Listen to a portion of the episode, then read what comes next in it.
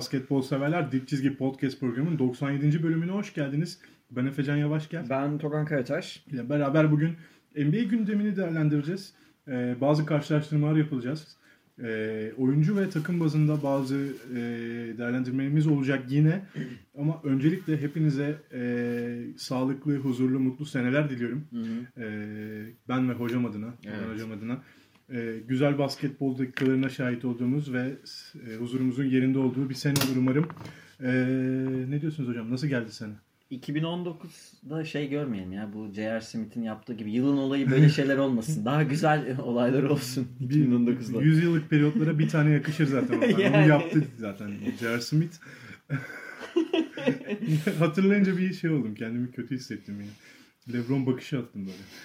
Ee, nasılsınız hocam?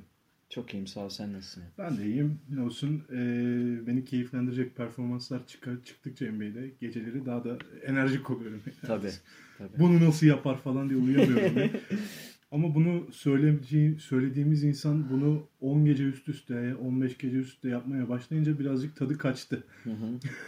evet o isim James Harden. Ee, hocam ne yapıyor ya? Valla Chris Paul sakatlandıktan sonra James Harden yani şöyle söyleyeyim Aralık ayında 546 sayı attı James Harden arkadaşlar. yani e, 36.4 sayı ortalamasıyla oynuyor. Bu ilk maçları çıkartırsak yani Lakers'a 50 attığı maçtan sonrasını alırsak ortalaması 40'ın üstüne çıkıyor. E, inanılmaz. Olağanüstü İnanılmaz bir ay gerçekten. geçirdi. Olağanüstü haftalar geçirdi. Evet topu çok kullanıyor. Bunu zaten bu çok normal topu çok kullanması ama Ocak 2014'ten beri Durant o, 2014 Ocağı'nda 575 sayı atmıştı o ay içerisinde. Gördüğümüz en büyük e, hücum anlamındaki aylık performans diyebiliriz Harden'ın. Durant'in daha fazla maçı vardı sanırım. Evet. Yanlış Yani bu şey gibi biraz tarihte ta eski verilere baktım. Yani burada rekor Jordan'ın. Ee, 676 sayısı var bir ayda ama 19 maça çıkmış Jordan 87 Mart'ında. Onun dışında işte Will Chamberlain'ler falan var ama yakın dönemde bunu yapan bir Durant var. Bir de işte 2006 Kobe Bryant'ın o olağanüstü Evet. 40 40 50 40 üst üste attığı maçları Dominant hatırlarsınız. şeyi vardı. Yani bir, bir Ocak ayında yaptı onu. Bir de bir Mart ayında bir daha yaptı galiba. Aynı sene içinde iki kere yaptı yanlış hatırlamıyorsam. 2006 Kobe'den beri ve o Durant'tan beri gördüğüm en dominant hücum e, performans diyebiliriz ki şunu da söyleyelim. Lige yavaş başladı aslında Harden kendi Evet. istatistiğine göre. Evet. Yani Ekim ayını 28,5 sayıyla kapattı ortalama. Kasım'da bunu 31'e çıkardı. Aralık'ta 36'ya çıkardı. Ey maşallah. A- ya asist ve reboundda çok büyük değişiklik yok. Geçtiğimiz ay ortalaması 36 yani. Evet. Genel ortalamayı da 33.3 sayıya çıkardı zaten. MVP MVP gibi oynuyor diyebiliriz. Hatta fazlasını oynuyor galiba hocam. Ee, bu aydan önce Anten, Antetokounmpo'nun MVP yarışında bir boy önde olduğunu düşünüyorduk. Bence o fark artık kapandı. Farkın kapandığına ben de ikna oldum. Yani, yani hani şu an kafa kafaya var. Antetokounmpo doğrudan alır diyemem bu ödülü Evet. artık. Artık back to back MVP olabilir. Yani bunun ihtimali gitgide artıyor ki kendi de bu böyle açıklamalar yapıyor zaten yani. MVP. Ya Harden'la ilgili bir iki şey daha çıkardım ben. Mesela bu Orlando maçında yaptı 60 sayılık triple double. Evet. Ee, 56.6 bunu sen uyardın. İyi aklına geldi. Ona baktık. 56.6 game skoru var. Verimlilik puan diyelim ona. NBA'de tüm zamanlarda 5. sırada bu. yani birinci sırada Jordan falan var. İki de Kobe'nin 81'lik sayısı maçı var. Tüm zamanlarda 5. sıraya gelmiş durumda. Bunun dışında e, Harden şimdi Chris Paul da yokken e, NBA'in usage rate lideri, top kullanma oranı lideri. Neredeyse Cleveland kadar top kullanıyor hocam. Neredeyse yani. Şimdi bu istatistikleri E ESPN, NBA veya basketbol referans biraz farklı açıklıyor. Hepsi birbirine eşit değil. Ama ortalama bu üç sitenin verdiği usage rate %39. Ve e, ikinciye göre 6 puan yukarıda. Bu ikinci kimi siteye göre Embiid, kimi siteye göre Westbrook. Evet. Yani diğerlerinin usage rate'i 32-33 civarındayken e, Harden'ın usage rate'i %39 civarına gelmiş durumda. tabii ki NBA'in şu an en çok top kullanan oyuncusu. Ya bu çok normal. Peri 29. Çok acayip bir peri var. Ee, bir de şunu söyleyelim. Top kayıplarını bir kenara bırakırsak hani makine gibi top kaybediyor ya. Mesela Ama normal hocam yani. yani normal e, şey maçında Memphis maçında 9 top kaybı var mesela. 13 asisti var ama 9'da top kaybetti. Quadruple double yapmak üzereydi. Top kayıpları bir kenara bırakırsak kısalar arasında şut başına 1.53 sayıyla en iyi istatistiğe sahip olan oyuncu. Curry'nin önünde. Şut başına Şut sayıda. başına Pozisyon başına değil. Şut Zaten başına. çok değişik şut atmaya başladı. 9 tane attı galiba değil mi Orlando'ya mı? Bir gece önce mi? Hı hı. Öyle bir performansı var ve şey hocam eee, çok vites arttırmadan atıyor şutta yani James Harden. Ya şimdi bir şut mekaniği vardır. James Harden'ın bir de böyle bir avantajı var. Yani hani şutunu yaratması için ayrı bir motivasyona ihtiyacı yok Harden'ın. Önünde bir el görmesi yeterli sanırım. Peki şu iki istatistiği biraz konuşalım. Senin yorumunu da merak ediyorum. James Harden'ın NBA'de son yıllarda isolation lideri olduğunu artık biliyoruz zaten. Evet. Tek başına tank gibi oynuyor. Ee, NBA'in şu an drive lideri. Maç başına 19.1 drive var. Bu Chris Paul yokken 25'e falan çıkmıştır son birkaç maçta. NBA'in pull-up lideri. Yani kendi Evet. penetre üstü şut çıkarmak diyelim. 12.2 DeRozan'dan daha yukarıda onu söyleyelim. Ee, DeRozan çarpı 1.5 artı üçlük atabilen versiyonu desek olur mu mesela? Bence şu an az kalır hocam ya. Ya çünkü İşte hala az kalıyor değil mi? hala az kalıyor. Yetmiyor yani. Ya DeRozan'ın oyunun bütünü zaten drive üstü şuta bağlı. Hani kendi şutunu yarattı. İşte biraz da şey tabii o. Ee, orta O- mesafeden işte köşelerden, elbow'dan. Ama yani anlatamıyorum. Ardını bir şekilde anlatamıyorum. Ya mesela şey maçında bu son maçlarda e, ball movement'ı sevenler yani topun dönmesini sevenler Harden'ın oynadığı oyundan çok zevk almamış olabilir. Bayağı çünkü top değmiyor. bazı oyuncuların elinde bazı hücumlarda hiç değmiyor. Houston başka türlü toparlayamazdı. Evet. Bu konuda en fikir olabiliriz Evet. belki. Yani hani sezon başında bunu denediler. Carmelo varken denediler. İşte e, kimdi? Irk, şey Clark'lardan Hı hı. işte ne bileyim Ennis'lerden. James Ennis'lerden bir şekilde bir şey yaratmaya çalıştılar. O topu döndürmeye çalıştılar. Sadece PJ Tucker hayat belirtisi gösteriyor takımda. Hı hı. Ya bir de işte son maçlarda birkaç tane buldular. İşte House Jr. E, o tarz birkaç el bulmaya başladılar. Yine e, Jared Green geldi asmaya başladı. Ama hocam bu kaç top verebilirsiniz ki bu saydığım isimlere maç başına? Kaç kere topu döndürebilirsiniz yani? Ve mesela gelen Austin Rivers da şeydir. Oyunu isolation'a yığılmış bir oyundur. Austin Rivers'ı da mesela bir pas istasyonu olarak çok Yok. fazla kullanamazsınız. Pası döndürüp şutu atabilir belki ama hani sona, sondaki şutu atan oyuncu olabilir. Sen Oklahoma maçında şey dedin e, bir hafta önceki. Harden Capella ligin en iyi savunma takımını yendi, yerle bir etti dedin. Evet. Ben ona şöyle bir ek yapayım. Harden Capella terör örgütü Oklahoma'yı ele geçirdi yani. Biraz öyle olmadı mı? Öyle oldu. Ligin en iyi savunmasını delik deşik ettiler ya. Yani Steven Adams'ından tut, Paul George'una, Westbrook'una ki Jalen Grant falan da o maçı Hı. oynadı. Eksiği yoktu diyebiliriz. Dennis Schroeder katkısı aldılar. Bir şekilde hiçbir anında maçın maçı kazanabileceğini ilk yarı hariç hissettiremediler yani.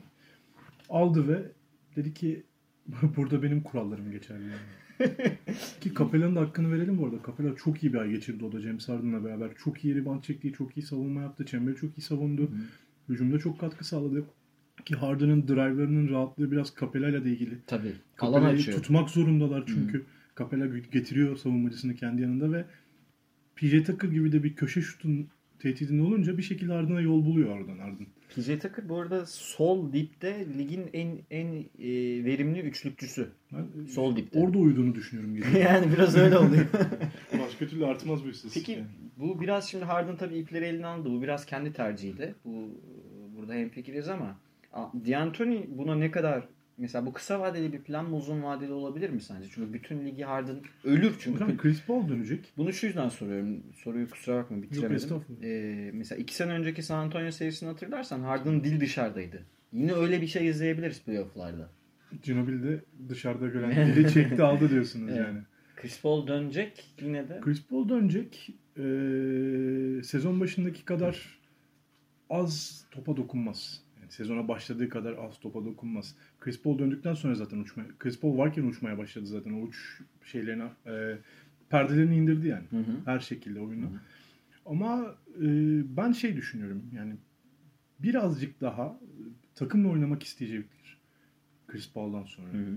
Ya bunu nasıl yaparlar? Bence birini daha almadılar. Hani Austin'i söylemiştik hatırlıyorsunuz Hı hı. burada da şeyden Austin gelebilir bu takıma diye. Hı hı. Hatta guard ihtiyaç, ihtiyaçlarından bahsediyordunuz siz. Hı hı. Çok da doğru bir hamle olmuş olabilir o açıdan ama hala bu takım elit bir şutu, şutörü yok ilk 5'te. Yani tam PJ Tucker köşe şutu atar. Green gene- köşeden gelip katkı verir. Ama playoff'ta zor onlar. Playoff'ta bunu kotarabilecek bir oyuncuları var mı emin değilim işte. Geçen sene Ariza bunun üstlendi. Son maçı boş verin. Hı hı. İşte Ariza bu rolü çok iyi oynuyordu. Hem savunmada hem hücumda. Bir, bir de şeyi şu meşhur şeyi de sana sorayım biraz moderatörlüğü ele getirdim. Yok hocam. Ee, şimdi Harden biliyorsun son 4-5 senede 3 sayı atarken en çok faal alan oyuncu. Evet. Yani ikinci sırada Damian Lillard vardı onun 5 katı kadar Bunun filan. birazcık şey suyunu çıkardı. Onu diyecektim. Ee, biraz rahatsız etmiyor mu hakikaten? Hocam beni ediyor. Daha önce sorduğunuzda, Hı, daha önce yani, konuştuğumuzda da evet. söyledim. Beni bu rahatsız ediyor. Ama tabii bu yasak mı? Değil. Yani hani bir de böyle bir durumu var. Harden bu, bu açığı çok iyi kullanmaya başladı ya. Ya işte ama ben artık savunmacılarına kızmaya başladım. Düşmeyin tuzağa. Bu adamın bunu yapacağını biliyorsunuz. Hı. Hani hala Harden eğildiğinde e, Kolu takacak yaklaşarak yaklaşarak savunma yapmaya devam ediyor. Tabii şey çok büyük tehdit. Boş bırakınca anında atıyor. Hı hı. Salisilik bir e, şut ritmi var Har- Harden'ın ama bilmiyorum hani biraz daha zeki olabilirler. En azından onu çarpmayı göstermemeye çalışabilirsiniz. Bazen onlar da kontağı kapatıyor. Harden çok rahat rahat gidiyor potaya. Çok da şey sinir bozucu bir durum oluyor. Yani rakip takım için. Çünkü bayağı sürekli faal çizgisine gel- gelen ve Bu sene şey sayı bulabilen. bakmadım ama içeri girip aldığı o kol takma faallerinden daha fazla üçlük şut atarken faal alıyor olabilir Harden bu sene. Öyle zaten. Yani daha çok oluyor. daha çok alıyor olabilir. Hı hı. Geçtiğimiz senelerde hani o Harden'ın turnikeye girerken aldığı Hı. fauller Hı hı. çok konuşuluyordu ya. Bu sene e, dedi ki onu alamıyorsam hadi bunu, bunu alırım yani. Bir şekilde o düdüğü çaldırtıyor hakemlere. NBA hakemleri hakkında konuşmakta biliyorsun ciddi e, cezalar Evet, ciddi getiriyor. cezaları var. E, Ne o yapsın zaman- takımlar savunacaklar yani. E savun ne abi o zaman? Bu yani? arada şey e, bir şey vardı. Eee söyleyeceğim şimdi. Doncic'in bir videosu vardı gördünüz mü? Maçtan önce e, faal alma idmanı yok gibi bir şey yapıyordu. Ha, ha, evet, gördüm. Aynısını aldı sonra. işte. Gördüm. Harden yapıyorsa Gördüm. bunlar da yapabilir gibisinden bir şey var. Ya Harden özel zaten bunları yaptığına eminim. Özel step back çalıştı zaten. Evet. iki sene. Evet. İki yaz boyunca step back'ine çalıştı. Her Ve şey- Euro step'ini çalıştı. Hocam yani çok iyi geliştirdi o konuda kendini ya. Onun hakkını teslim edelim. Şey diyemiyorum yani. Bu adam hak çalıyor, şunu yapıyor, bunu yapıyor. Yok öyle bir şey. Yani çok beğenmeyebilirsiniz ama şu an e, Ligin en iyi oyuncu, oyuncusu galiba. o, ligin en iyi oyuncusu diyemeyiz LeBron için de en formda oyuncusu yani. Şu an- en verimli oyuncusu diyebiliriz. Ya, belki. En iyi oyuncusu LeBron. Ben de buna katılıyorum da hocam şu an yani başka bir seviyede. yani. Aralık ayının MVP'si net. Öyle değil. Ya, en iyi oyuncu biraz şeyden söyledim. MVP ödülünü kazanacak olandan. Anladım. Doğru söyledim. Hani tabii ki de LeBron'u geçme imkanı yok şu an için ama MVP için hani ben Antetokounmpo'ya bir burun fark attığını düşünüyorum şu an. Bence de bir yarım adım önüne geçti. Bunda tabii ki hücumu Ben biraz at yarışı referansı yaptım. Burun burun diyerek ama hocam. hücumu ben de onu kullandım galiba az önce. hücumu tek başına taşıması önemli. Ante'den daha fazla top kullanıyor. Bunu unutmayalım. Takımda diğer arkadaşlarına göre daha fazla top kullanıyor. Bambaşka seviyede çok iyi oyunlar ortaya koyuyorlar ikisi de ama hani hocam keyifli bir de ya izlemek bazen. Tamam çok Bazen. çaresiz hissettiriyor da yani. Bazen. Bazen de diyorsunuz hani geçen hafta Chris Paul'u eleş- eleştirmiştik iki hafta önce. Hı hı. Şey demişti ya bu adam gördüğüm en iyi hücumcu. Austin de dedi aynısını. Austin de dedi. Yani bunu herhalde saha içinde görünce çok etkileniyorlar. Ya Çok ölümcül bir şutör olduğu falan unutuluyor Harden'ın. Penetrelerinin güçlü olması, üçlünün şey olmasının dışında sadece üçlü değil, bütün alanlardan ölümcül bir şutör aslında Harden. Sahanın her yerinden. Büyük tehlike yaratıyor rakip takım Houston için. bu arada kaşla göz arasında ligin tepesine doğru çıkarmaya devam ediyor. Hı hı. Batı'da yani 10 kaçıncı sıradaydı? Son Beşinciliğe falan yükseldiler. Dördüncülüğe geldiler galiba. son 11 maçın 10'unu aldılar. Evet. Arada bir Miami maçı var sadece. Aralarında Oklahoma Boston maçları var işte. Hı hı. Hani çok zor da maçlar önler. Tamam içerideydi çoğu ama Hı hı. etkileyici bir performans. Ki demiştik ya hani bir önceki şeyde ben bir 9-10 maçlık fikstürüne baktım. Buradan 3-4 galibiyet zor alır demiştim. gibi görünüyordu. Eksikler çünkü Eksikler. Da yok. Aldılar. Hocam bizi de susturdu. Bütün Susturdu yani. NBA kamuoyunu da susturdu.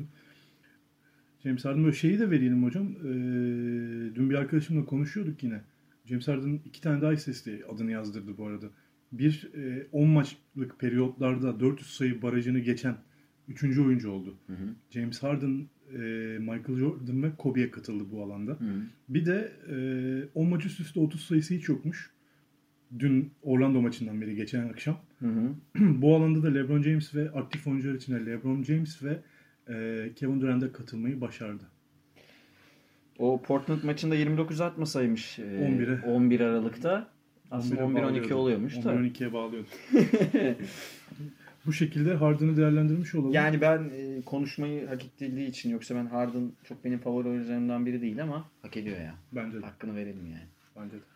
Tebrikler James Harden. Aferin. Peki. Ee, sakalını kes oğlum falan diye. O yüzden zaten terör örgütü dedim. Kapılanın da saçında Schroeder şeyi var. Ben o ikisinden şüpheleniyorum hocam. Sarı sarılık var ya saçlarda ikisi. İzleyince bunlarda bir bağ var aralarında. Özellikle Oklahoma Houston maçında. Ee, ben yine kalem düşürdüm. Kusura bakmayın. Artık benimle özdeşleşti. Kulağınızdaki zarar için özür dilerim. Ee, hemen Golden State konuşmaya başlayacağız. Hı hı. Golden State niye konuşacağız? Golden State ile ilgili öncelikle şunu vereyim. Daha bugün basket dergisi üzerinden hocamla benim bir çalışmam.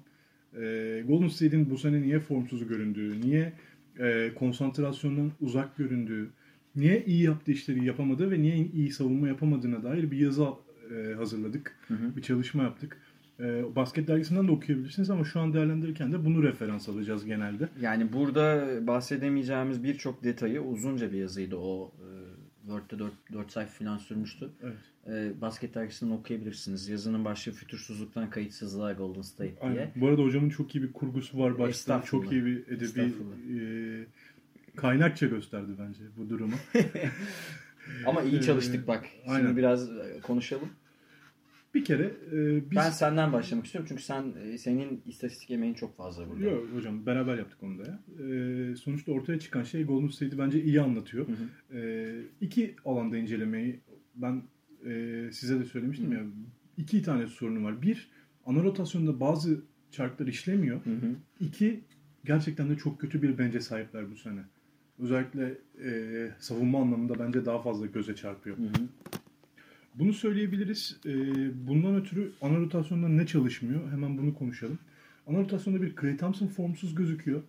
Ama ama ama e, Stephen Curry, Kevin Durant ve e, Klay Thompson'ın toplam oyuna etkileri geçen seneden daha az geliyor. Evet. Çünkü daha fazla şut atıp daha az isabet bulmaya başladılar. Daha fazla isabet bulmalı, bul- bulsalar da bu sene Daha geçen yüzdesiz. seneden orada verdiğimiz bir istatistik var. 7 tane fazla top kullanıp en fazla 2 tanesini sokabiliyorlar. Hı hı. Ya bu şekilde de takımdan kimseye top vermemiş oluyorlar daha fazla. Yani Draymond Green'in istatistikleri düştü. Bu Draymond Green'le birebir alakalı. Hı hı. Ee, ama zaten Kevin Looney'den hiçbir şey alamıyorlar neredeyse. Bu şekilde olunca bu sene e, ana rotasyonu çok iyi işlemiyor. Siz ne düşünüyorsunuz hocam bu konuda? Ana rotasyonu işlemiyor. Katılıyorum. ben ana rotasyonda gördüğüm senin diyeceklerine eklemem gereken şey şu. Birincisi e, bunu Steve Kerr mi tercih ediyor? Kim niye böyle oldu anlamıyorum. Kat yapamıyor takım ya. Pas yapamıyor. Yani Golden State'in oyunu penetre üstüne bir oyun değil. Biz Evet. bunu senelerdir söyledik. Golden State'in oyunu pas ve kat üstünedir. Bence bu sorunlardan biri burada Draymond Green. Bu sene şeyi görüyoruz. E, Orta mesafe pull-up'larını. Clay Thompson Özellikle ve... sakatlıklarda bunu çok çaresiz bir şekilde denemeye başladılar. Özellikle Kevin Durant. Yani tabii çok yetenekliler. Orada da skor buluyorlar. Her türlü skor buluyor bu takım. Çok yetenekli ama Golden State'in en iyi yaptığı işler bu değildi. Bu Steve Kerr'ün playoff'ta acaba böyle de bir silahımız olsun diye çıkardığı bir şey mi diye düşündük çok iyimser olarak ama yok ya. Öyle Yani görünmüyor. Bu Öyle biraz günü kurtarmaktı. öyle çünkü. Günü kurtarmaktı ve alışkanlıklarını unutmaya başladılar bunu yaparak. Yani iki şey var. Bir tempoları düştü. İlk defa E, Onu da verdik değil mi? Evet. Ee, Yani Pace'de 10'uncular. 13 sıra düştü. Yani- Hiç olmamış 4 sezon Hep ilk, boyunca. hep ilk 4'te ilk İlk 5'teydi bu takım. 1, 10. 2, sıra. 3, 1, 2, 4, 5 bitirmişler 4 sezondur. 10'uncular bunun üstüne e, orta mesafeyi sürekli daha fazla kullanmaya başladılar. O bildiğimiz üçlük atan Golden State artık ortadan kalkmış durumda. Daha az üçlük attıkları için boyalı alan verimlilikleri de düştü. Boyalı alanı kullanan oyuncu Tabii. sayısı da azaldı zaten. Bunun üstüne bir de şu var. E, Draymond Green problemi var takımda. Hocam yani çok uzak eski halinden. Çok çok uzak duruyor yani. Şeyden ben orada şeyden bahsettim. Draymond Green'in savunmadan ziyade savunması zaten hep bir seviye savunma veriyor. Bu sene de veriyor. Hı hı. Hani çok öyle büyük düşüşler yok savunma performansında. İstatistiksel ve e, takımın verimliliğine artı yazdıracak işler bakımından. Ama e, işin hücum kısmındaki Draymond Green özellikle geçtiğimiz senelerde Andrew Bogut'la başlayan işte konuştuk ya Javal McGee ile işte e, David West'le o uzun alışverişindeki pas istasyonu, katları görme. Yani çok önemli bir pas istasyonu ayağı oluşturuyordu Golden State hücumu için Draymond Green. Bu özelliğini kaybetmiş durumda ki asist ortalamaları düşüyor ve turnover ortalamaları çok artıyor. Aşırı derece top kaybetmeye başladı bu sene. Yani bir şeyleri yapmak için uğraşıyor. Ben bunun sebebini genel olarak şeye bağladım. Siz nasıl düşünüyorsunuz? Zaten beraber hemfikir düşünmüştük bu konuda. Draymond Green şut özgüvenini kaybetti. Evet. Ya ben bakıyorum şut eline top geldiğinde hatta Kevin Durant falan kendisini eleştirdi bu konuda. At diye bakıyoruz atmıyor diyor. İşte boşta olduğu zaman onun biraz da şeyi var. Bu konuya takıklığı var. Şut kaçırdığı zaman karşı takımın dalga geçmesine falan inanılmaz takık. Onu boş bırakıyorlar ve hiç savunmuyorlar artık. Ve o da zaten 2.4 denemeden 0.6 isabet bulmaya başladı bu sene. Çok az deniyor. Hiçbir şey çıkaramıyor. Bence Ee, şeylerden etkileniyor. Yani e, Draymond Green'le yapılan caps'ler var ya. Evet. Sırtında çanta varmış gibi şut atıyor. Evet. Ki öyle, ya tamam bu benzetme ama Ya- öyle atarak daha önce ben senin NBA finalinde 24 sayı attığını biliyorum ya. Evet. Öyle atarak yani. O zaman bu tip yani mental şeyini de kaybetmiş. Ee, Öyle duruyor. Kendi Metanetini kaybetmiş. oyunu gibi. oyunu olan özgüvenini kaybetmiş. Sadece şuta değil, oyunu olan. Daha o Steve Kerr de şunu yaptı. Şutu girmediği için pası da sorunlu olduğu için bayağı düz perdeci haline getirdi onu. Biraz ona dönüşüyor değil mi? Perde yapan bir oyuncu haline geldi Draymond Green. O zaman da şu oluyor. Çok yük biniyor Kevin Durant'le Steph Curry'nin elinde. Bir de Kevin Looney ve Draymond Green'in aynı rolü paylaşmasını kaldıramaz bu 5. Evet. Draymond Green'in şutuna da pasına da çok ihtiyaçları var. Ve şeyi de söyleyeyim. Bu işin tabii teknik kısmı. Bir de mental kısmı Mental var. Ben Kevin Durant'le aralarındaki sorunun gerçekten çözüldüğüne inanmıyorum. Ben de inanmıyorum. Ayrıca Draymond Green bu takımın oyun lideri değil ama soyunma Ruhani odası- lideri evet, değil mi yani? Soyunma odası lideri. Soyunma odası liderinizle takımın en süper Süperstar. yıldızı, öyle değil hadi, en büyük yıldızı kavga etti. Bunu yönetmek çok kolay bir iş değil. O yüzden zaten biraz Steve Kerr halının altına mı atıldı diyoruz. Öyle görünüyor. Steve Kerr zaten o yüzden sürekli hiç alışmadığımız kadar konuşuyor. Gerçek NBA'ye geldik, rüyadaydık, uyandık. İşte bizi çok inceliyorlar. Yani zorlandığını anlıyorsun Steve Kerr'ın. Evet. Basın eee şeyi değişti, görünümü değişti basın karşısında. Yani. Yani ilk beşin problemleri bunlar. Bir, çember savunucuları yok. Draymond Green çok formsuz ve o Big Three ciddi bir yük altına girmiş durumda. Ama Yükün altından da çok iyi kalkamadıklarını söyleyelim yani. Hani o üçünün. işte sürekli mağlubiyetler görüyoruz. Golden State potansiyeli için konuşuyorum. Bir de tabii bench var. Onu da sen bahset istersen. Bir de bir bench problemi var. Bence için hocam ne söyleyebiliriz? Şunu şuradan başlayayım. Benim gördüğüm bu 5. sezon Steve Kerr'le en kötü bench rotasyonuna sahipler. Andy Iguodala duruyor. Sorun yok. Ee, ama hani kenardan Jerebko geliyor ki Jerebko Utah'ta ne kadar rol aldı da buraya geliyor. Ki Jericho çok istekli bir oyuncudur. Öyle Ama katılıyorum. yetmiyor yani. Hocam ama mesela en Lakers bile Jerebko'nun şutunu boş bırakmaya başladı bir yerden sonra. Evet. Çok şey e, nasıl desem çok kırılgan bir beşi var. Yedek beşi var. Bench'i var. Hı hı. Böyle olunca da kırılgan beşler e, Golden State'in mesela bu sene çok görmüşsünüzdür. 10-15 sayı fark yapıp e, çok çabuk yakalandığını. Hı hı. Birazcık bu süreleri işte onu karıştırmaya çalışıyor Steve Kerr. 5 oyuncularıyla bench oyuncularını karıştırmaya çalışıyor. Orada bile çok büyük aksaklıklar yaşıyorlar. Hı hı. Çünkü işte McKenzie enerjileri çok yüksek olabilir. Hı hı. Bundan yana şüphe yok. Quinn Cook e, ne veriyor ki? Golden Cook geçen seneki oyunun çok gerisinde. Geçen sene de hocam Golden State'in ana yıldızları yokken, ana rotasyonun parçaları yokken ne kadar iyi oynasa da onun nasıl bir oyuncu olduğunu anlayamazdık ki biz. Evet. Zaten maçlar bir maçını hatırlıyorum ben 85-76 falan bitti Golden State maçı. San Antonio maçı belki Evet, hatırlarsınız. evet. Ya böyle bir süreçte Cook'u değerlendirmek yanlıştı. Bu sene ortaya çıkıyor birazcık defolar. Curry yokken, Draymond Green yokken aldığı rolü iyi değerlendiremedi. Hiç. Hiçbiri değerlendiremedi. İşte Kevin Looney sezon başında sakatlanan bir uzunları daha vardı. Ee, Damon McCall'u Jones. verdiler. Damon Jones sakatlandı. McCall'u vermek istemediler de Aynen, sonra kontrat şeyi artınca tamam dediler. Tamam, karşılamıyoruz dediler. Artık onu da karşılamayın be abi. E yani lüks Yani daha ne ödeyeceksiniz yani?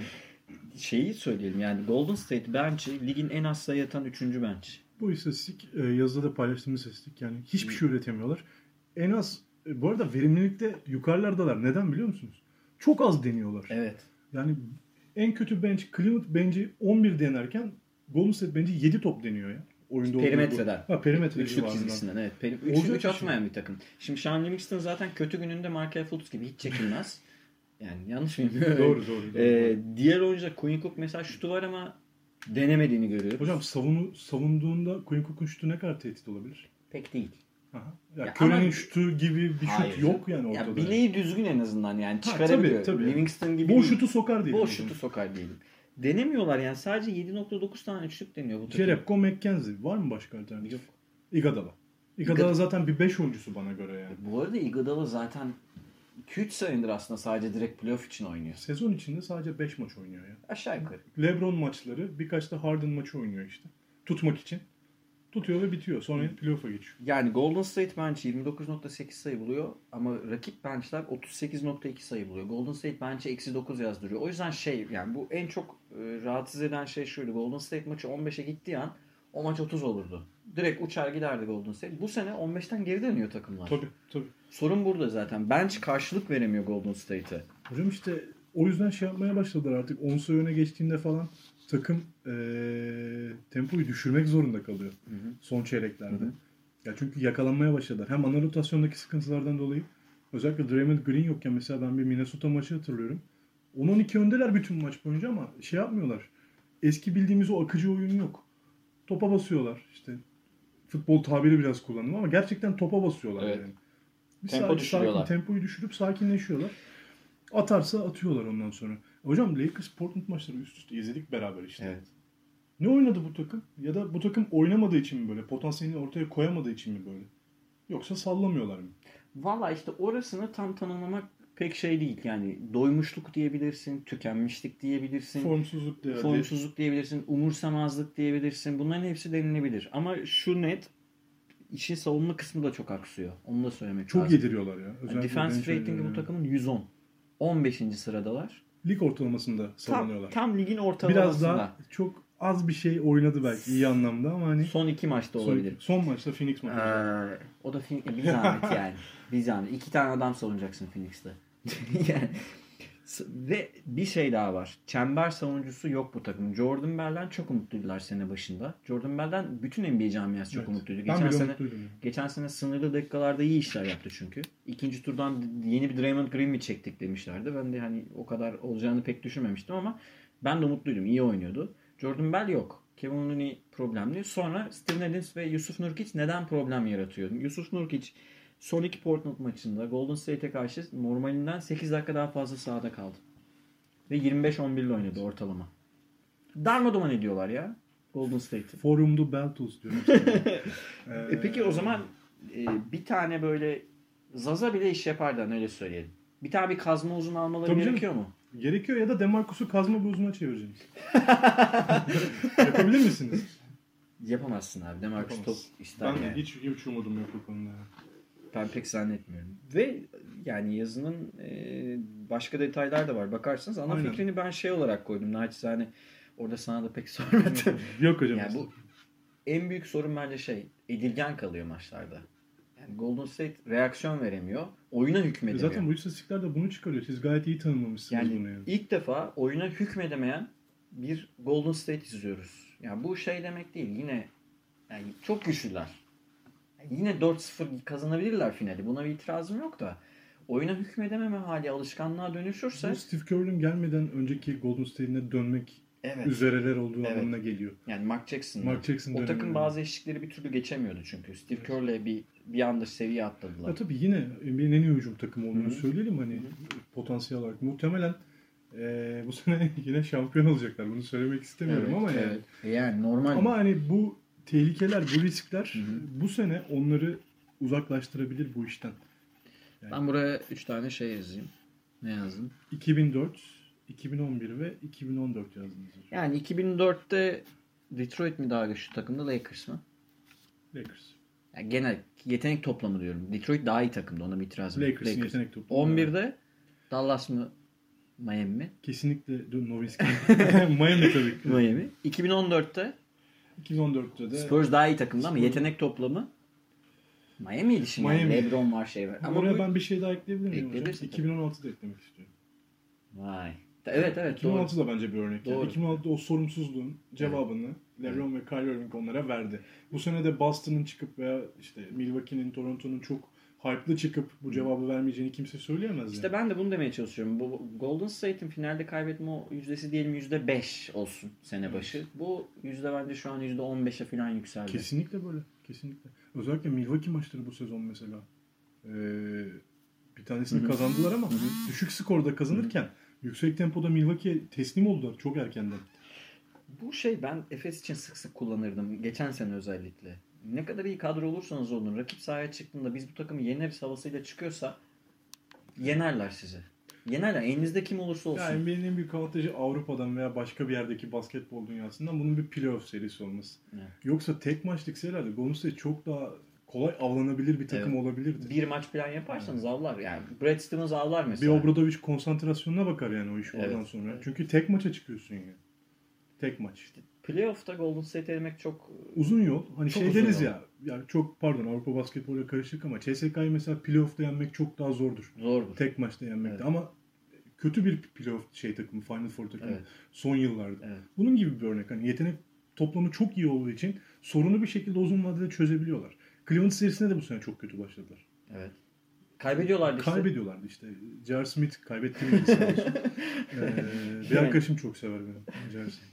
Aklıma oradan geldi. Yani sorun Golden State'i 4 kere yenmek aslında. Evet. 4 kere yenebilecek takım var mı Golden State'in? Batı'da var mı? Yok. Batı'da Yok. Doğu'da Yok. var mı? Batı çok güçlü ama Golden State'i yenme ihtimali sanki doğudan çıkacak gibi geliyor bana. Bence de. Batı Yani çok güçlü kabul ediyorum Doğu'nun, yani. Doğu'nun güçlüleri Golden State'e karşı daha rahat üstünlük Yani kurabilir. Milwaukee'nin, Toronto'nun ve Boston'ın Philadelphia'yı saymıyorum ne yazık ki. Yok. Ee, içimden gelmiyor. Ee, yenme ihtimali. Bu arada rejideki arkadaşlarım imkanı yok diyorlar. Biz de zor bir durumda yayın yapıyoruz. Ee, biraz Golden State fanları. biz Basketbola biraz- 2014'te başladılar. Ee, Biz işin şey tarafını konuşuyoruz arkadaşlar. %85 şampiyon zaten Golden Evet, State. evet. Yani öbür taraflarını konuşuyoruz. Bir de şey hani işe eğlence gelsin. Sonsuza dek Golden State mi izleyeceğiz? Yani bir de şu var. hocam iyi tarafından bakın bu sene Golden State Cleveland finali yok. Evet, o Ben var. çok mutluyum. Evet, evet, evet. Yani gerçekten yoruldum. Evet. Ee, asıl nokta şey şimdi bu takım yazın kontratlar gelecek. Bu kontratlar muhtemelen birinden çıkacaklar. Bu kim olacağı belirsiz ama en az bir kişi gidecek Golden Evet. State'ten. En az bir kişi. Son bir hamle yapacaklar mı? Yoksa biz zaten ya hallediyoruz bunları Bence yeneriz. hallediyoruz modunda olacaklar çünkü bazı e, ödene, ödeme işlerini sağlamayabilirler, sağlayamayabilirler önümüzdeki sene. Yok yok onu demiyorum. Playoff serisinde Ha, diyorum. playoff Oyuncuların refleksinden bahsediyorum. Yani biz bu takımları her türlü yeneriz mi diyecekler? Yoksa biz bu takımları yeneriz moduyla çıkarlarsa NBA finalinde tokat yiyebilirler. Zaten Houston'dan yiyorlardı. İşin gerçeği bu. Evet. Hani aynı bu modda çıktılar. Kevin Durant'e de vardı. Hı hı. Bu sene DeMarcus Cousins nasıl gelecek bilmiyorum ama DeMarcus Cousins öyle bir hücum potansiyeline sahip olarak gelemeyecek bu takım. Öyle bir hücum e, serbestliğine sahip olarak gelemeyecek. Evet. Ya bu çok iyi bir takım olacaklar. 5 tane Uluslararlı müthiş işte hani hatta zorlasan 5 tane süperstara çıkacak iş yani. Evet. Ama bir şekilde bu konsantrasyon probleminin sert kayalara çarpacağını düşünüyorum. yani. Bir de Cousins'tan bir çember savunma desteği alsalar bile hücumda şeye alışkın değil Golden State. Pivotunun Draymond Green dışındaki uzunluğun top Evet. kullanıp bir de top Cousins bir top kaybı makinesi arkadaşlar. Draymond Bakabilirsiniz. Green'i bu yüzden Green'i bu yüzden törpülüyor olabilirler Evet. mi hocam? Olabilir belki. o kazmalı hazırlıyor? Olabilir, bilmiyorum. geldik. Yani Cousins üzerinden bir de top kaybı yapmak e, zaten tempoda geriye düşmüş Evet. bir takım için topun kıymetinin daha da arttığı, top ka- kayıplarının daha da önemli problem Top haline elinde ne geldiği kadar anlamına fazla gelir. süre kalırsa DeMarcus Cousins'ın Golden State çarkıyla işlemez. Evet. Bunu anlamaları lazım. Yani çok az top vermeleri lazım. Minimum topla maksimum fayda sağlamaları çalışmaları lazım. Ki DeMarcus'la Green'in de bu yüzden iyi anlaşmasına çok ihtiyaçları var. Döndükten sonra. Ya şey maçı bence e, sıradan bir NBA maçı değildi. Arada böyle yolda kazalar yaparsınız da. Lebron'suz Lakers'ı yenememeleri Cevap veremediler. Evet. Yenememek başka bir şey. Ee, Hükmedemedi. duruma düşmek başka bir şey yani. evet, hükmedemediler oyuna. Hiç yani bir kere geldi işte 7 sayı yendi sonra bir anda yine alev aldı yani Golden State'e İşte karşı. bu- bunlar Go- Golden State'in e, playoff'ta ciddi problem yaşayacağını işaret ediyor bence nedense bilemiyorum. Geçen seneki gibi değil. Geçen sene de 25 24 gal- mağlubiyet aldılar ama bu havayı bu almamıştım sene daha ben. fazla alacaklar. Bu sene daha fazla Eminiz olacaklar. ondan. Ama geçen sene bu modda değildi bu takım. İstediği zaman vurup geçiyordu. Bir de geçen Curry- sene rakipleri ne kadar güçlüydü emin değilim. Bu sene takımlar ciddi yatırımlar yaptılar. Evet. Özellikle Doğu'da. Ve şu da var. Geçen sene Curry 30 maç var kaçırdı. Bu sene öyle bir şey yok. Yani 30 maç değil miydi? Bayağı maç kaçırdı. Bu sene o kadar 10 maç kaçırdı. Bir daha kaçıracak mı bilmiyoruz. Bir teorim var hocam. Golden State finale çıksın. Çıktı diyelim ki yüksek ihtimal. 4 senedir falan David Blade'i sağ atarsam hiç ciddi bir koçla final oynanırlar. Evet. Ciddi bir koça karşı. Evet. Bence bu e, bu da izlemek istediğim bir şey işte. Brad Stevens'a, Budenholzer'a, işte e, Nick Nurse'e Nurse. karşı Güzel oynayabilecekleri bir finali izlemek çok istiyorum. Ben de istiyorum. Gerçek bir koç. Kazanırlar kazanamazlar. Ben izlemek istiyorum yani. Neler Ben yapabilirler, nasıl önlem alabilirler Golden State'e karşı. Bu Güzel. heyecanlandırıyor. Bence de. O zaman hemen yeni konumuza geçelim mi hocam? Geçelim. Bu arada yazımız Basket Dergisi'nde bugün yayınlandı. Evet. İsterseniz oradan da bakabilirsiniz Golden State analizine. Ee, ve şimdi eğlenceli bir konumuz var. Hemen geçiyorum.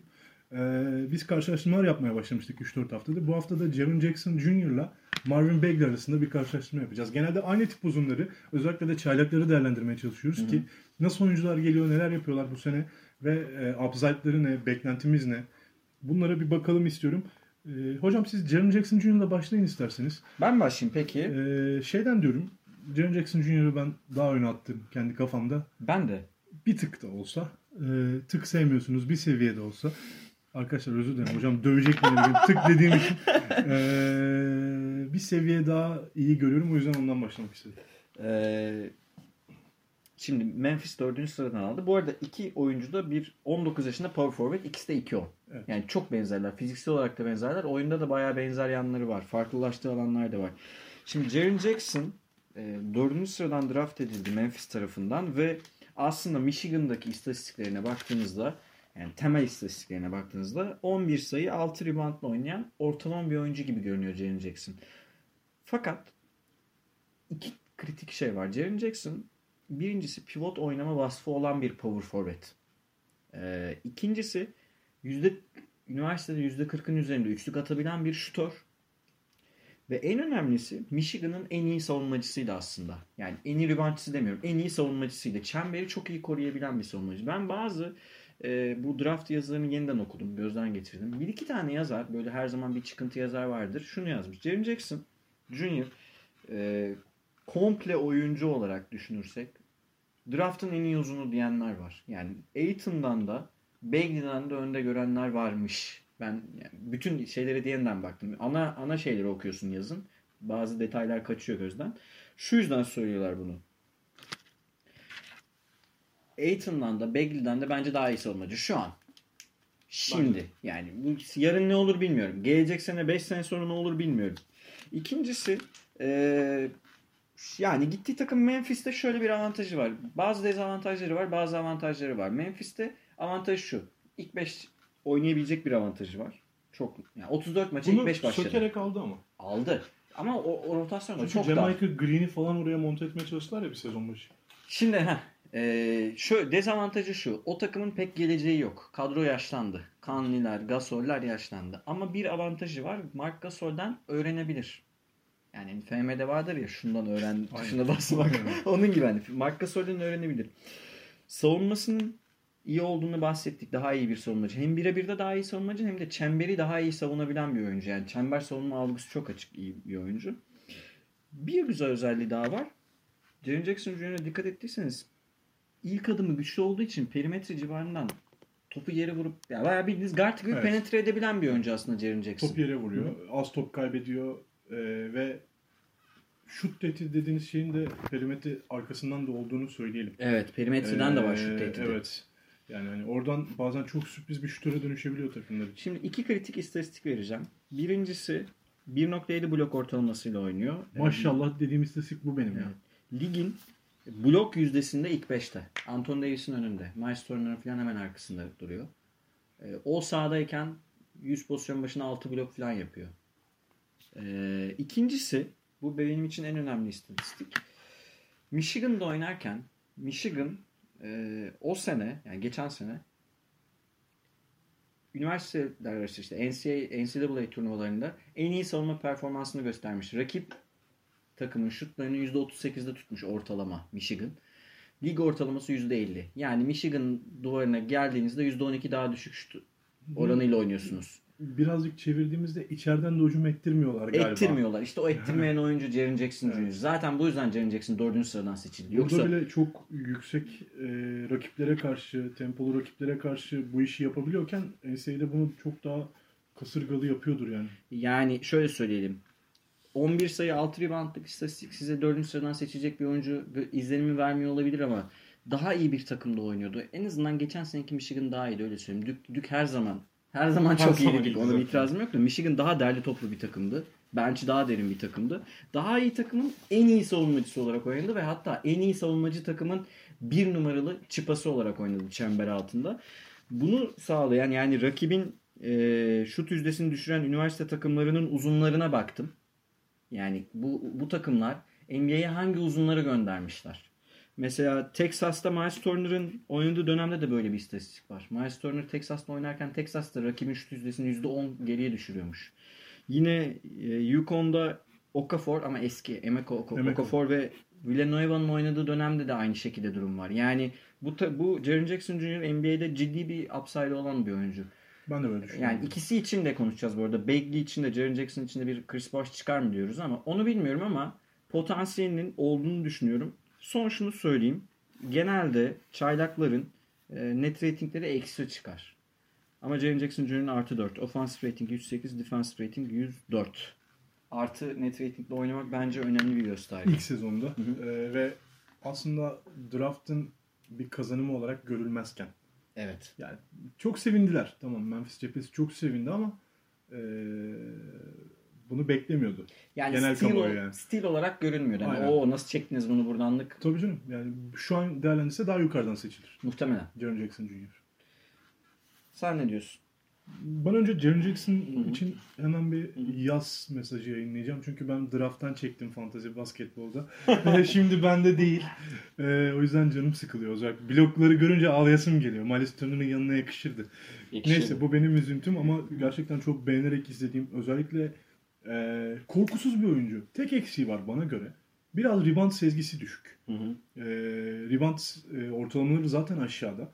E, bunun sebebini şeyden görüyorum. Tamam Marc Gasol ve Memphis'in bir kolektif rebound çabası var. Sürekli var. Hani o rebound dağılımları değişiyor ama Jaren Jackson bunu pek zorlamıyor. Dışarıdaki oyuncuyu da savunabiliyor. E, şuta el göstermek için Memphis de onu kullanıyor biraz. Bunun da etkisi var. Yani seken toplara geldiğinde uzakta kalıyor biraz Jaren Jackson. Bu yüzden de düşük gözüküyor olabilir ama genel olarak biraz sesinde birazcık sorunlar var gibi. Bu konuyu da üstüne giderse hiç pivot oynamadı bu arada. Yani Çok az oynadı yani. Nadiren maç içinde birkaç dakika oynattığı oluyor ama çok değil. Bu upside'ı pivot olarak evrilirse 3-5 seneye hı. o rebound özelliği de gelir otomatikman zaten. Boyu ve fiziği var. Biraz ince kalabilir belki ama hani bunları geliştirecek.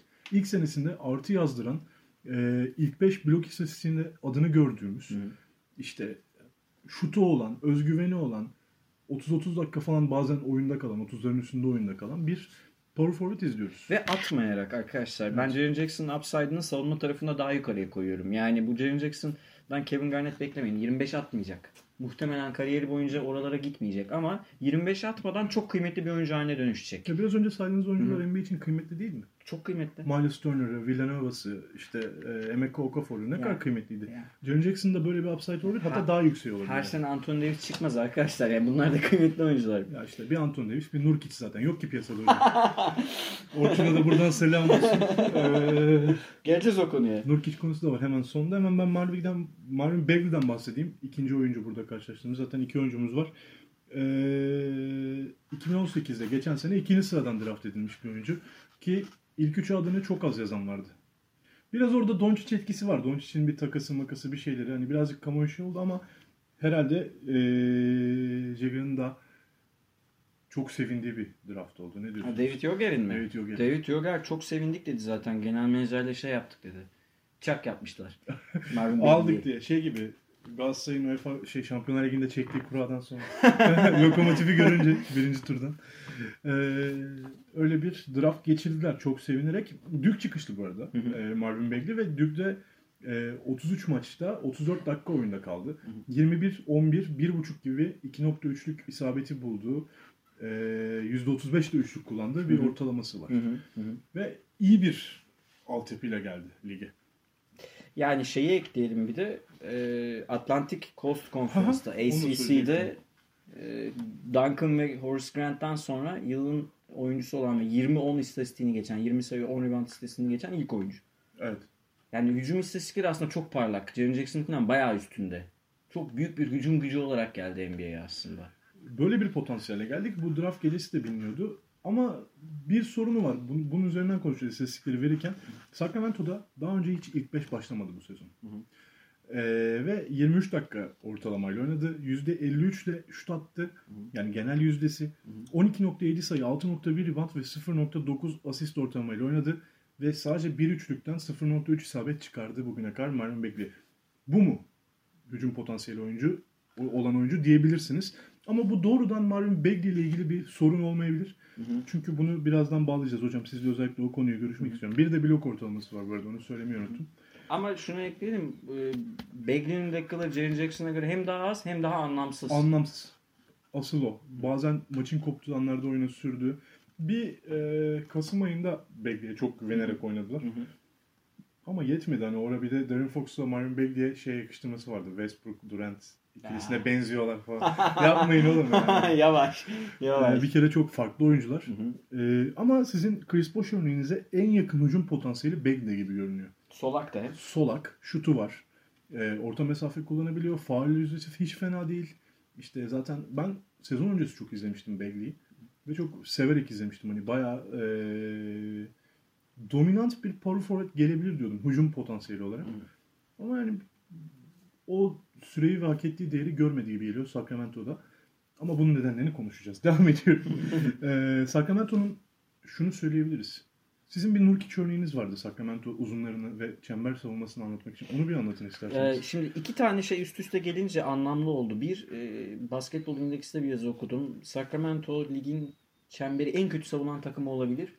E, Willie Colstein de ligin en kötü çember savunucusu Evet. olabilir diyorlardı.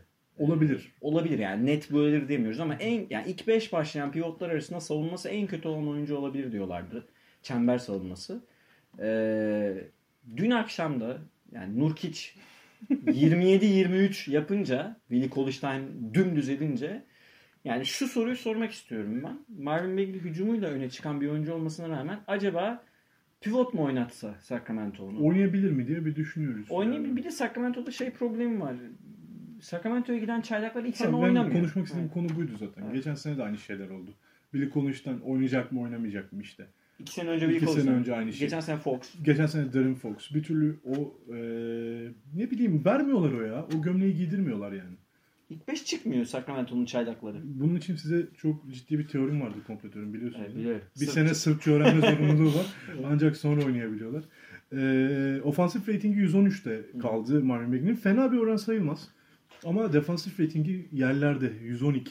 Yani işte ama bu şey artı bir yazmış ama dakikalar anlamsız arkadaşlar. Bagley'nin oynadığı sürelere bir bakın ya. Maç bitmiş. Mesela bir Golden State maçında bir iki anlamlı dakikası var ama şey. e, Kasım ayında biraz verdiler hocam topu ya. işte ama orada o kadar. Aynen. Peki sence bu iki soruyu nasıl? Mesela sen olsan Bagley'e ilk 5 başlatır mısın? Birin, başlatır mısın? Birinci soru. Pivot oynatır mısın? İkinci soru. Pivot oynatmam. Pivot oynama alışkanlığı hiç yok bu arada. Hiç yok. Pivot oynatmam. İyi bir çember savunucusu değil şu an zaten. Ya zaten bu upside'i görerek almadı onu Sacramento. İyi bir hücumcu olarak aldı. Ki zaten Sacramento'nun planları iyi bir hücum takımı yaratmak. Ama e, bunun için de birilerinin savunma yapması lazım. İşte Willi Konuş'tan çok kötü durumda. Kim, e, ben Kufos'u oynatırım hocam. Costa Kufos. Papayannis yok mu? Papayannis gelsin. aa, aa, pardon. Panathinaikos. Panathinaikos'a gitti o. Şaka bir yana bu oyunculara Divac'ın biraz öğretmesi lazım bu işi ya. Ee, hazır babası doğrudayken bu işin. Ee, çalışman lazım hocam. Bir sene boyunca çalışın ya. Nasıl çalıştı Darren Fox bir sene içinde? Evrildi. Buddy Hield evrildi 2-3 senelik dilim içerisinde. Collins'ten geçen seneden çok daha iyi bir hücumcu oldu. Geçen sene hücumda sıkıntıları vardı. çok çok. Ee, işte ne bileyim kadronun şey var onlarda da gerçekten öğrenme potansiyeli ve basketbol ahlakı kuvvetli oyuncular da var. Bogdanovic'ler, Bielitsa'lar. Bu şekilde bir alışverişle Bagley'nin de savunma yapmayı öğrenebileceğini düşünüyorum. Ya şu an sakatlığının uzadığı söylendi. İki hafta bu. daha yok. Yani bir bu söylendi. iki, iki gün önce bu söylendi. Yani en az bir 10-12 gün daha olmayacak. Peki şeyi Ha şunu söyleyeyim topu da yere bulabiliyor. Yine zaten karşılaştırmanın en büyük sebebi bu zaten. Jaren Jackson'la Marvin Bagley'nin ikisinde topu yere vurabilen uzunlar olduğunu söylemek lazım. Yani şeyli sahne, şöyle sahneler hatırlıyorum ben. Şeyli ne yani? Şöyle sahneler hatırlıyorum. Ee, sol forvette ya da sağ forvette topu alıp sırtına savunmacıyı alıp fadeaway atabilen bir Evet, oyuncu. evet. Ve topu oraya kendi getirdi. Pas almak zorunda değil. Ya bunlar çok fazla yapılabilen şeyler değil uzunlar tarafından. Öyle hücum reboundu sezgisi var. Jaren Jackson'a oranla daha iyi bence bu konuda, bu alanda. Rebound sezgisi ve dediğiniz gibi hani kendi şutunu yaratma. Bu herhalde yeni jenerasyonda var genel olarak. Evet, Evet yeni jenerasyon daha fazla var. Daha şey yani çünkü Harden falan izleyerek büyüdükleri için. Evet. Direkt Kıs- etkiliyor herhalde. Kısa beşlerin beşi olur mu peki? Yine olmaz değil mi? İşte bu savunma problemi or, ciddi Hocam sorun. Çemberi savunması lazım. Yani Bielitsa daha iyi bir çember savunucusu. Katılıyorum. Marvin Bagley'den. Katılıyorum. Zaten, Zaten Bielitsa Bielitsa'yı formayı- kesip Bagley'i almaya başladılar oraya. Dakikalarını ona vermeye başladılar. Kasım ayında öyle oldu. Öyle bir süreç işletmek istiyorsanız niye Bielitsa'yı aldınız derim ben de. Daha iyi bir savunmacı alsaydınız. Direkt 4 numara oynatsaydınız. Bagley'i. Bielitsa daha iyi oynuyor şu an. Evet. Bence de daha iyi oynuyor. E, Bir rekabetçi modda şu an ben olsam ben de Bielitsa'yı oynatırım. Geleceğe yatırım yapmak için Bagley kullanılabilir ama Bielitsa Bu daha takımın iyi. playoff şansı var hala. Evet. Ben de Bielitsa'yla başladım. Playoff hedefim varsa tabii ki. E tabi. Hangisinin sence Bilmiyorum. uzun vadede daha parlak bir kariyer? Çok da totoloji yapıyoruz şu an ama yani bilemeyiz. Hangisi çalışkan oyuncu Hocam bilemeyiz. ben ikisinin de çok iyi gelişeceğini ama e, Bagley'nin daha iyi bir skorer olacağını. Jaren Jackson'da daha iyi bir takım parçası olacağını düşünüyorum. Katılıyorum. Yani şu şekilde Toronto'nun Chris başı e, Marvin Bagley olur. Hı hı. Miami'nin Chris başı Jaren Jackson Jr. olur. Miles Turner yani. Miles Turner. Miles Turner. Şimdi o zaman daha çok sayı atan daha büyük süper yıldız muamelesi görüyor ya. Bu hep böyledir. onu seviyorlar özellikle. Yani bu Bazı normal. kategorilerde. Hücum daha kıymetli görülür. Ha, dünyanın her yerinde hücumdan puan üretmek, skor üretmek daha önemlidir. Ben de Jaren Jackson daha iyi bir takım oyuncusu olacağı kanaatindeyim. Daha e, şampiyonluğa giden bir takımın daha kıymetli bir parçası olabileceği kanaatindeyim. Bagley'nin e, Bagley'nin kariyeri şeye gidebilir ya. E, yani Kevin Garnett gibi bir takım taşısa bile hücum anlamında yani playoff'a sokamayabilir. Evet. 9. falan bitirebilirler sanki. Ya bana da öyle bir şey yaratıyor. Öyle bir izlenim yaratıyor yani. Bilmiyorum sen belki Sacramento'da olduğundan öyle düşünüyoruz ama. Abi ay, yani 2005 Kevin Garnett'i hatırlıyorum ben. Acayip Minnesota'da. oynamıştı. Şey, evet, Minnesota'da. Minnesota Garnett. Yok yani takım gitmiyordu bir şekilde. ya bu Garnett'in suçudur anlamında demiyorum. E, Hidolu Chris Başlı Toronto. E, o yani Giremedi. Giremedi. Chris Baş o sene, o sene en iyi istatistiklerinden birini yaptı aslında. Evet ben de burada katılıyorum. Bagley daha iyi istatistik üretecek ama Jaren Jackson sanki daha iyi bir takım oyuncusu olacak gibi. Bu arada aynı yaşlar ama Jaren Jackson 6 ay daha genç. 6 ay 6 aydır belki çalışır. Daha çok oynayacak. Evet. Buradan şey yapabiliriz. E, hangisi daha yaşlı gösteriyor? ya Bence Greg Jaren. Jackson daha... Greg Oden daha 50 yaşlı. yaşında gösteriyor zaten, seçildiğinde zaten. Ee, başka nasıl bir soru sorabiliriz bu ikisinden? Biri solak. Şu an kimi alıyorsun? Jaren Jackson. Değil mi? Daha Şu an tepeden. Jaren Jackson alıyor. Ben de daha Ne yukarıdan. olursa olsun şu an e, takımla oynamayı öğrendi. Peki Jaren Jackson'la Bagley arasında tercih yaptık. Hadi soruyu bir adım daha öte- öteye götüreyim. Jaren Jackson daha yukarıda. Şu an sıralama yapsak Doncic'in önüne koyuyor musun ya da Aiton'u? İkisini mi? Hı hı. İkisinden birini. Zor soru. Valla ben Doncic'i direkt kafadan bir numaraya yazıyorum. Hocam Doncic'in bir benim de. Ama e, Aiton'un önüne Jaren Jackson yazılır mı emin değilim. Ben de emin değilim oradan. Tam Yani emin Aiton değilim. bambaşka bir e, potansiyelde aslında ama Evet. o da savunma yapmıyor işte. Zaten şey istatistiğe bakarsan Aiton uçuyor gidiyor şu Evet, an yani. evet, evet. Orada eleştirecek bir şey yok. Ama yani şey yaparım. İki Aiton diyorum İkisi ben. de takımda olsa Jaren Jackson Jr.'a daha bağrıma basarım yani. Değil mi? Böyle Ha. şey oyuncuları Koçum benim diye. O zaman 3 numaraya Jaren Jackson aldık. Redraft yapıyoruz. Bagley'i 4'e atıyoruz. Begi'yi 4'ten alırız. İyi öyle görünüyor. Evet ben de öyle yaparım. Ya çünkü Bagley hala Bagley bu değil arkadaşlar. Trey Young'ı almayabiliyor muyum? Almayalım. Tamam. Trey Young'ı iptal. Seçmeyeceğim çünkü. Seçmiyoruz. Şey. Trey Young şey. Ya gerçi biraz Aba haksızlık ediliyor da neyse. Ama Ee, Trey. onun o e, parlaklığını aldıklarından beri üstünden daha rahatız en azından yani. Trey Ee, Young sorunu onu da söyleyeyim hadi yerine gel. Alakasız onu bahsedeyim. Atlanta'nın menajeri Golden State'e özendiği için Trey Young'ları, Spellman'ları, işte Kevin Huerter'leri doldurdu. Ben şutör takım olurum zannetti. Olmuyor işte paşam. Alex Len'le maç aldı. Öyle olmuyor işte o iş. Değil mi? Alex Len'le maç aldı. E, Alex. Len'le maç Detroit maçını aldı. O iş öyle değil. Allah'ım ya. Hemen hocam çok bahsettik bugün o konuyu da konuşmak istiyorum ben. Ee, Yusuf Nurk için son maçlardaki performansıyla birazcık konuşulmaya hak ettiği son konu olarak bugün. Ee, hocam ne yaptı dünya? Valla bilmiyorum bir e, nükleer alarm verdi Yusuf Nurkiç. Ee, hemen söyleyelim. Ee, ben istatistiklerini hemen söyleyeyim size. Dün 24 sayı, 23 rebound, 7 asist, 5 top çalma, 5 blok istatistikleriyle oynadı Yusuf Nurkic. Ve e, 5 çarpı 5'i ilk defa bir oyuncu 20 sayılı rebound ve sayı ortalamasıyla yaptı. Yani 20-20 yapıp yanına 5x5'e ekledi. Bunun yanında bir e, geçen sene faulünü riske edebileceğiniz bir oyuncu olarak dün gece 16'da 14 attı. Hı hı. 16'da 14 attı. Ya bu sezon karşılaştırmalarını bu sene hemen yapalım ama dün geceki performansı çok özeldi e, Yusuf Nurk için. Ki bu haftayı çok iyi geçirdi zaten Golden State maçlarını. E, ve işte nasıl ifade edebilir bilmiyorum ama bence hak ettiği yerden çok daha yukarıda şu an. Şey görüldüğü yerden çok daha yukarıyı hak ediyor Yusuf Nurkic. Ben de onu diyecektim. Ters Ha, ters dedim. Ters dedim. Ee, burada bir kere sohbetini etmiştik. Bu arada Orçun'u eleştirmek için söylemiyorum Orçun. Ee, tabii ki de yok işte karşılaştırmaz Yusuf Nurkic de.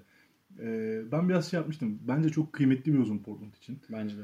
Ama hani çok böyle yere vuruluyor. Nurkic'le olmaz o iş. Nurkic ne yapar? Ee, ben böyle düşünmüyorum demiştim ki hala aynı fikirdeyim. Çok geliştirdi bu sene kendini bazı konularda. Geçen sene oranla çok daha yaptığı işler var ama her şey playoff'a kadar mı Portland'da göreceğiz bu sene. Yusuf O Nurkic özelinde değil bu arada. Bütün Evet, Portland'da ilgili. yani hani. Evet. Ama hani şu an bence çok iyi bir parçası. Üçüncü iyi parçası diyebilir miyiz Portland?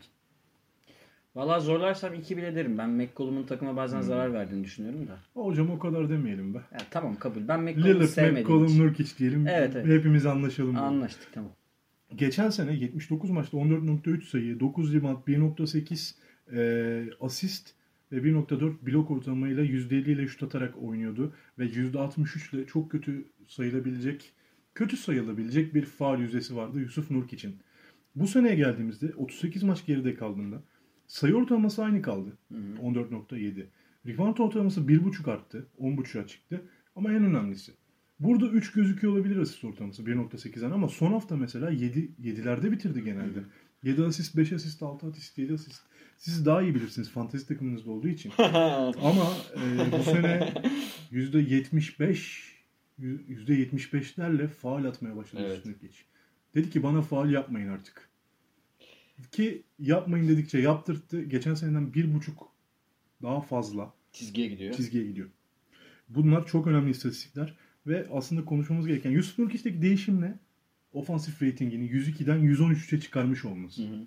102'den aynı sayıyı atarak, Evet. geçen sene aynı sayıyı atarak 113'lere çıkardı Yusuf Nurkic.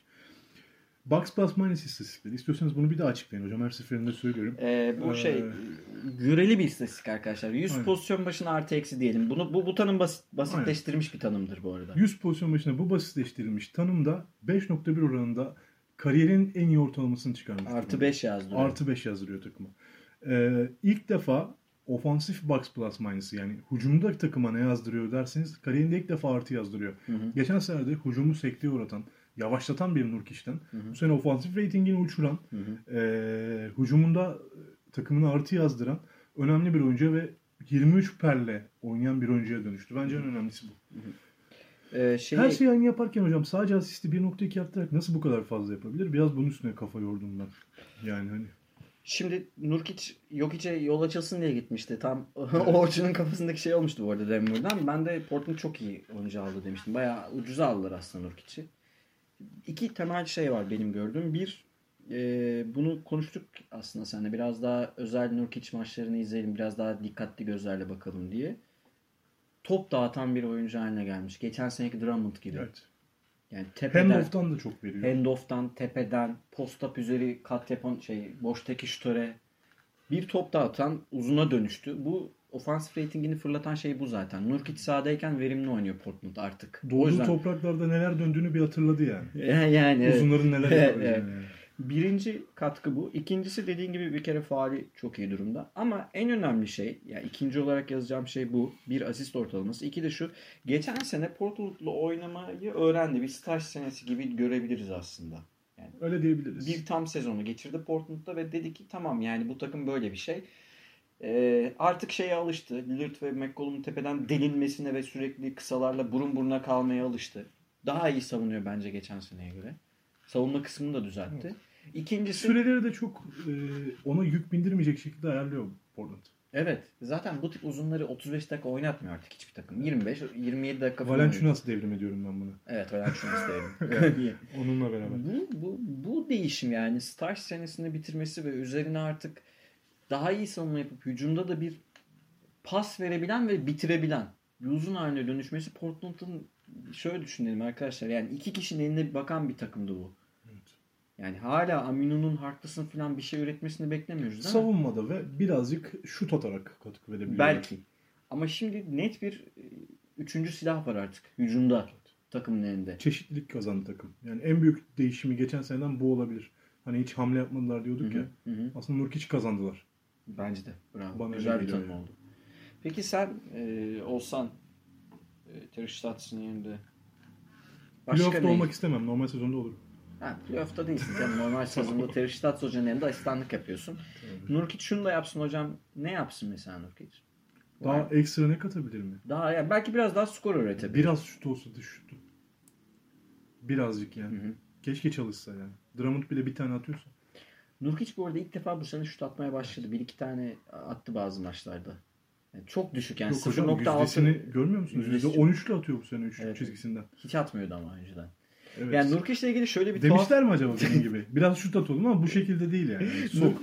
Nurkic'le ilgili şöyle tuhaf bir durum var. Bu çok görülen bir şey değil. Şimdi arkadaşlar efektif şut yüzdesi üçlüyü de e, şöyle söyleyeyim. Genel şut yüzdesi kaç şut şutta kaç isabet bulduğumuzdur ya. Efektif şut yüzdesinde üçlükler bir buçukla çarpılır. Evet. Yani üçlük daha kıymetlidir.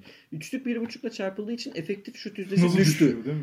Yani? Nurk için efektif şut yüzdesi düştü. Ama daha iyi faal attığı için true shooting'i arttı bu True sefer. Ya de o var. Saçma sapan bir istatistik üretiyor ya. Saçma sapan ya. Ya bu pek görülen bir şey değil. Efektif şutu düşerken true shooting'i artan bir oyuncu pek pek hatırlamıyorum yani. Nadirdir bu. Nurkic'te böyle bir şey var. Ama dün nükleer alarm hakikaten güzeldi ya. evet.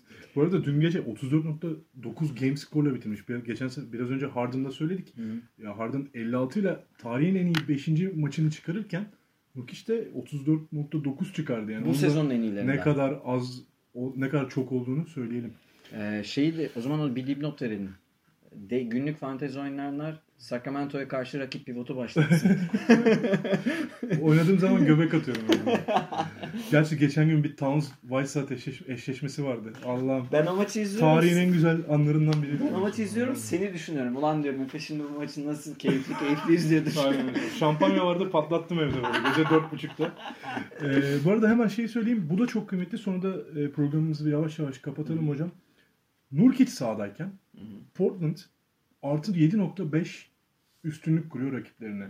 Yani 7 sayı daha fazla kazanıyor ortalama. Nurkic sahada yokken bu takım eksi 9 yazdırıyor. Yani ofansif rating, defansif rating düşse bile takım için ne kadar iyi bir hücum opsiyonu olduğunu anlatıyor bu istatistik. Yani net katkı artı 16. Net katkısı takıma artı 16. Büyük bence büyük etki. Bence de. Bence de. Ya bu konuda diğer uzunlar ne durumdadır bilmiyorum. Onlara da bakıp karşılaştırırız. Ama yani başka bir oyuncu oynuyor bu sene sanki. Portland pivotu olarak. Ya o yüzden draft ettim. Yani hocamın draft draft stili buydu bir herhalde. tane de benim olsun. Aynen. de Buddy Yıldım var. Benim ya sonunda iç olan oyuncu. Konuşalım mı? Bir takas istiyorum. Vay burada ona dönüyormuşuz. Sonunda iç olan oyuncuya güveneceksin abi. Bir Witch'lere de güven. Allah elinde John Wall Dragic olanlara sabır versin. Ee, Allah kurtarsın diyorum. Arkadaşlar dinle- hocam var mı söylemek istediğiniz bir şey? Bakıyorum ben başka notumuz kaldı mı? Yok. Önümüzdeki hafta yine güzel konular e, ve hafta içerikleriyle birlikte olacağız. E, Belki bir konuk da getirmeye bir çalışacağız. ihtimal belki bir sürprizimiz olabilir. E, kendinize iyi bakın. Basketbolla kalın. İyi haftalar. Hoşçakalın.